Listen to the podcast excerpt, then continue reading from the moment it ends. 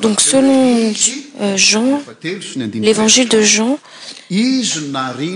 toutes choses ont été faites par elle et rien de ce qui a été fait n'a été fait sans elle en elle était la vie et la vie était la lumière des hommesla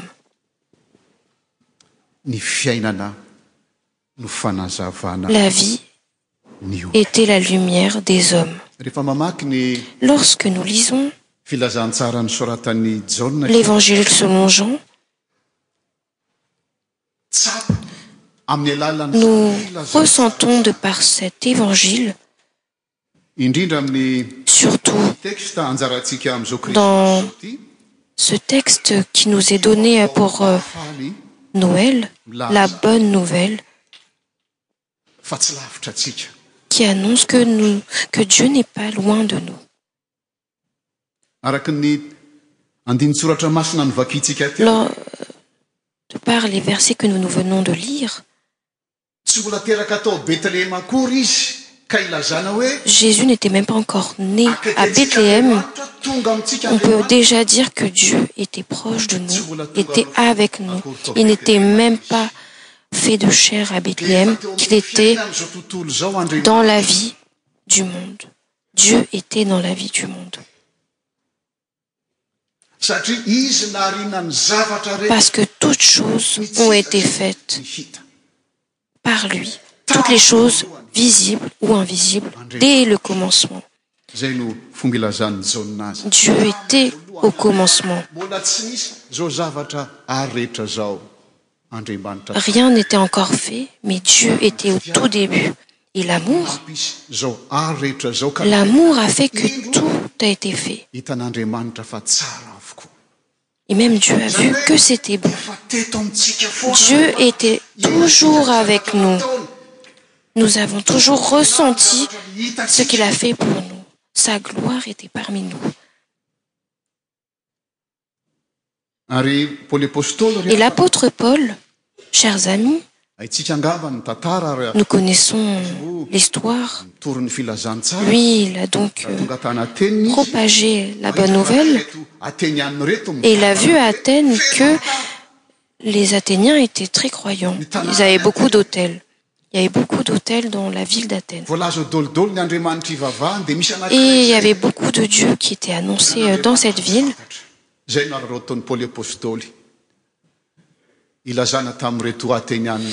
lui pourtant paul annonçait un dieu qu'il ne connaissait pas mais lui leur annonce un dieu qui les sauve et ce dieu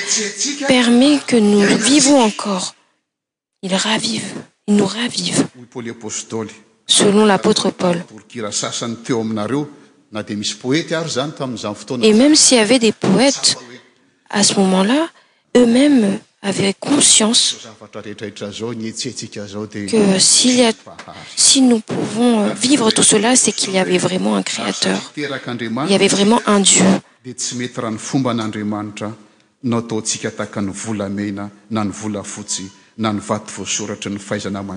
Euh, il faut vraiment se dire queque euh,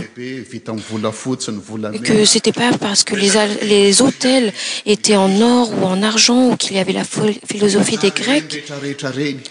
qui était importantet ce peuple pensait que dieu ressemblait à tout cela à tout cet tort à tout cet argent et penset que dieu était loin et pourtant au final tout ce qui s autour de nous montre que dieu est proche de nous est toujours avec nous et la lumière et la course de notre vieet pourtant euh, les hommes ont abandonné la lumière ales gens les personnes n'ont pas vuce dieu qui a tout créet dans l'épreuve nous pensons que dieu est loin ah. l'pôtre paul dit encor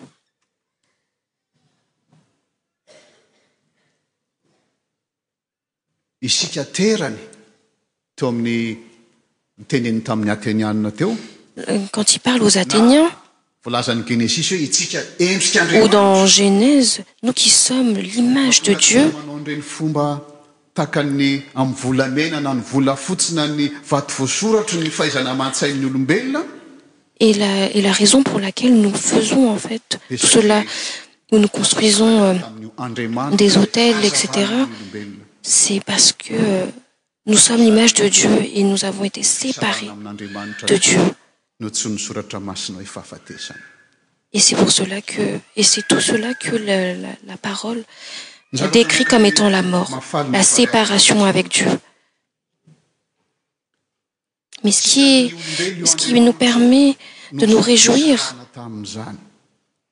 c'est que même si nous sommes séparés ce dieu qui est tout-puissant qui est très grand qui estplus la bonne nouvelle que les chrétiens peuvent encore célébrer aujourd'hui qui est pour tous les hommes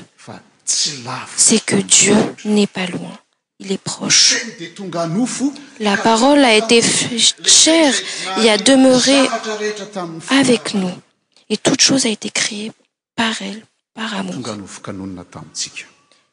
la parole a été faite chère et a demeuré avec nous et son nom éta çaveut dire dieu avec nous vraiment la parole a donc pris cher devenue cher pour être parmi nouset jean dans son évangile quil a écrit nous avons vu sa gloiremendrika aoane latokana avy am ray sady felo fasoavana no faamarinana ary izy nous avons contemplé sa gloire une gloire comme la gloire du fils unique venu du père et j'en dis encore personne n'a jamais vu dieu le fils unique qui est dans le sein du père et celui qui l'a fait connaître et aussi dans hébreu que nous venons de lire dans le verset du chapitre i et qui étant le reflet de sa gloire et l'empreinte de sa personne et soutenant toute choses par sa parole puissante a fait la purification des péchés et s'est assis à la droit de dieu de la majesté divine dans les lieux très haux dieu est entré dans notre histoire après nos limites la limite des hommes c'est la mort la mort qui est née de la séparation avec dieu et jésus est venu cette parole faite cher pour annoncer cette bonne nouvelle mais ce qui est malheureux chers amis et nous avons conscience de cela osque nous ensonslorsque nous remémoronsi les dernières années surtoutavec l'arrivée du covidfo zandray et aussi en cemoment encore en ce noëltsy ry conflits euh,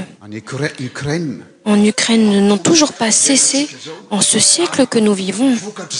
et le fruit de cela nous le voyons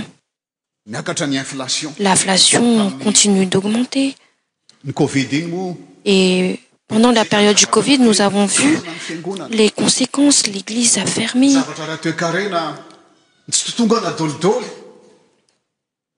nivaufinanciec'était difficilee aussi en cette euh, période que nous vivons il y a cepte peuroùl euh, yaura des téléstages en europe des euh, pannes d'électricitéquelle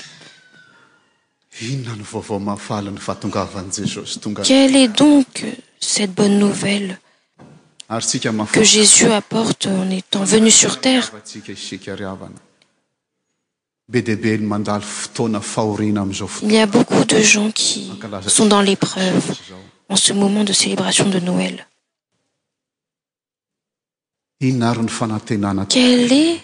l'espérance qui naît euh, de cette bonne nouvelle face à toutes les choses que nous vivons dans ce monde il y a la pauvreté dans notre pays les conflits mais jésus est rentré dans l'histoire de nos vies et ce qui est vraiment réjouissant euh, dans ce moment oque nous vivons encore c'est que dès le début dieu était là parce que toutes choses ont été faites par lui ce monde témoigne que dieu est avec nous il est venu dans le monde a été fait cher il s'est fait cher pour apporter l'espérance dans ce monde dieu s'est fait cher pour entrer dans l'histoire de ce monde et en ce jour que nous vivons l'évangile de jean montre encore l'évangile que nous venons de lire que dieu est avec nous et il est proche de nous il est à côté de nous ao amina oe parce que jean dit encore zay rehetra nandray azy tout ce qui l'ont reçu de no menero tonga zanak'andriamanitra il a donné le pouvoir de devenir enfant de dieu de zay rehetra tsy nateraky ny nofo lesquells ny fanahy ne sont pasa nés de la volonté de la chair ou du sang mais de l'esprit de ho fanehouna riavana et c'est une preuve que dieu est encore avec nous et cet espritai euh, permet encore au sacrifice de jésus d'être encore valide jusqu'à maintenant cet esprit en ce moment nous visite en tant qu'église en tant que humain fa raha taminy fotonandro tonga tany aminy azy izy ny arsy mandray azy elle est venue chez les siens et les siens ne l'ont point reçu mais en ce moment il nous dit qu'il est venu qu'il est làrah mandray azy iy et si nous le recevons de noumeny hery tonga zanak'andriaman il nous donne le pouvoir de devenir enfant de dieu il nous donne de ne pas voir l'amertume de ce monde de ne pas se replier face à ce qu'il y a dans le mondemais il nous donne la force comme jen de voir la gloire de jésusde voir la gloirequi est digne d'un fils unique de dieu eqe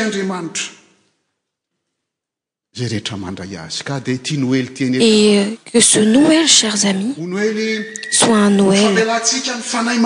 où nous puissionsoermette euh,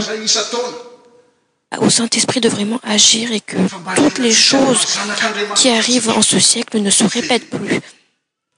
et que nous puissions vivre en tant queenfant de dieu et face Euh, les souffrances et le manque d'espérance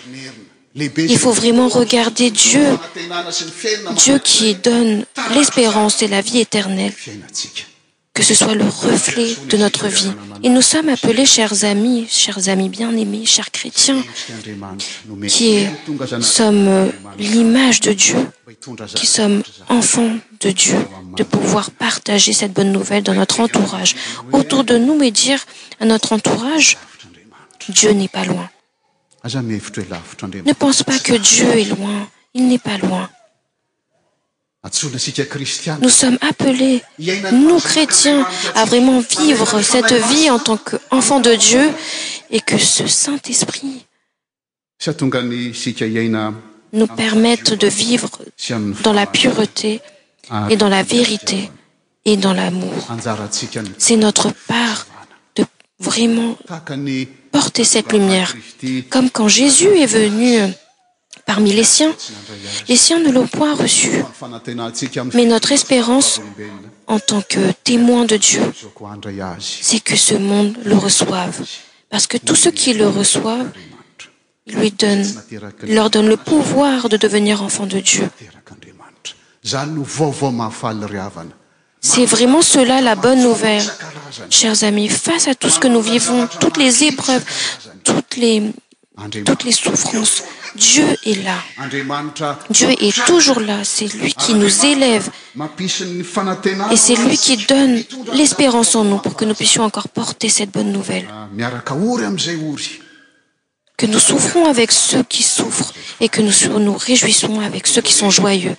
que le seigneur nous aide encore à vraiment porter cette bonne nouvelle que nous appelons en français présence de dieu dieus'est incanpour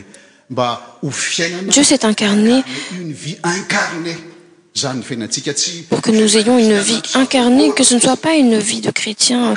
qui soit distrait qui e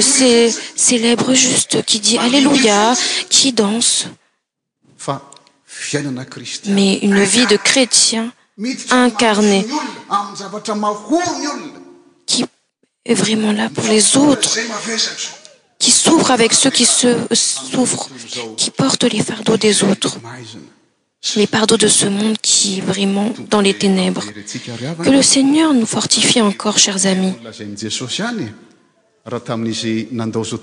et jésus encore dit au moment de partir partezet baptiser toutes les nations pour qu'ils deviennent des disciples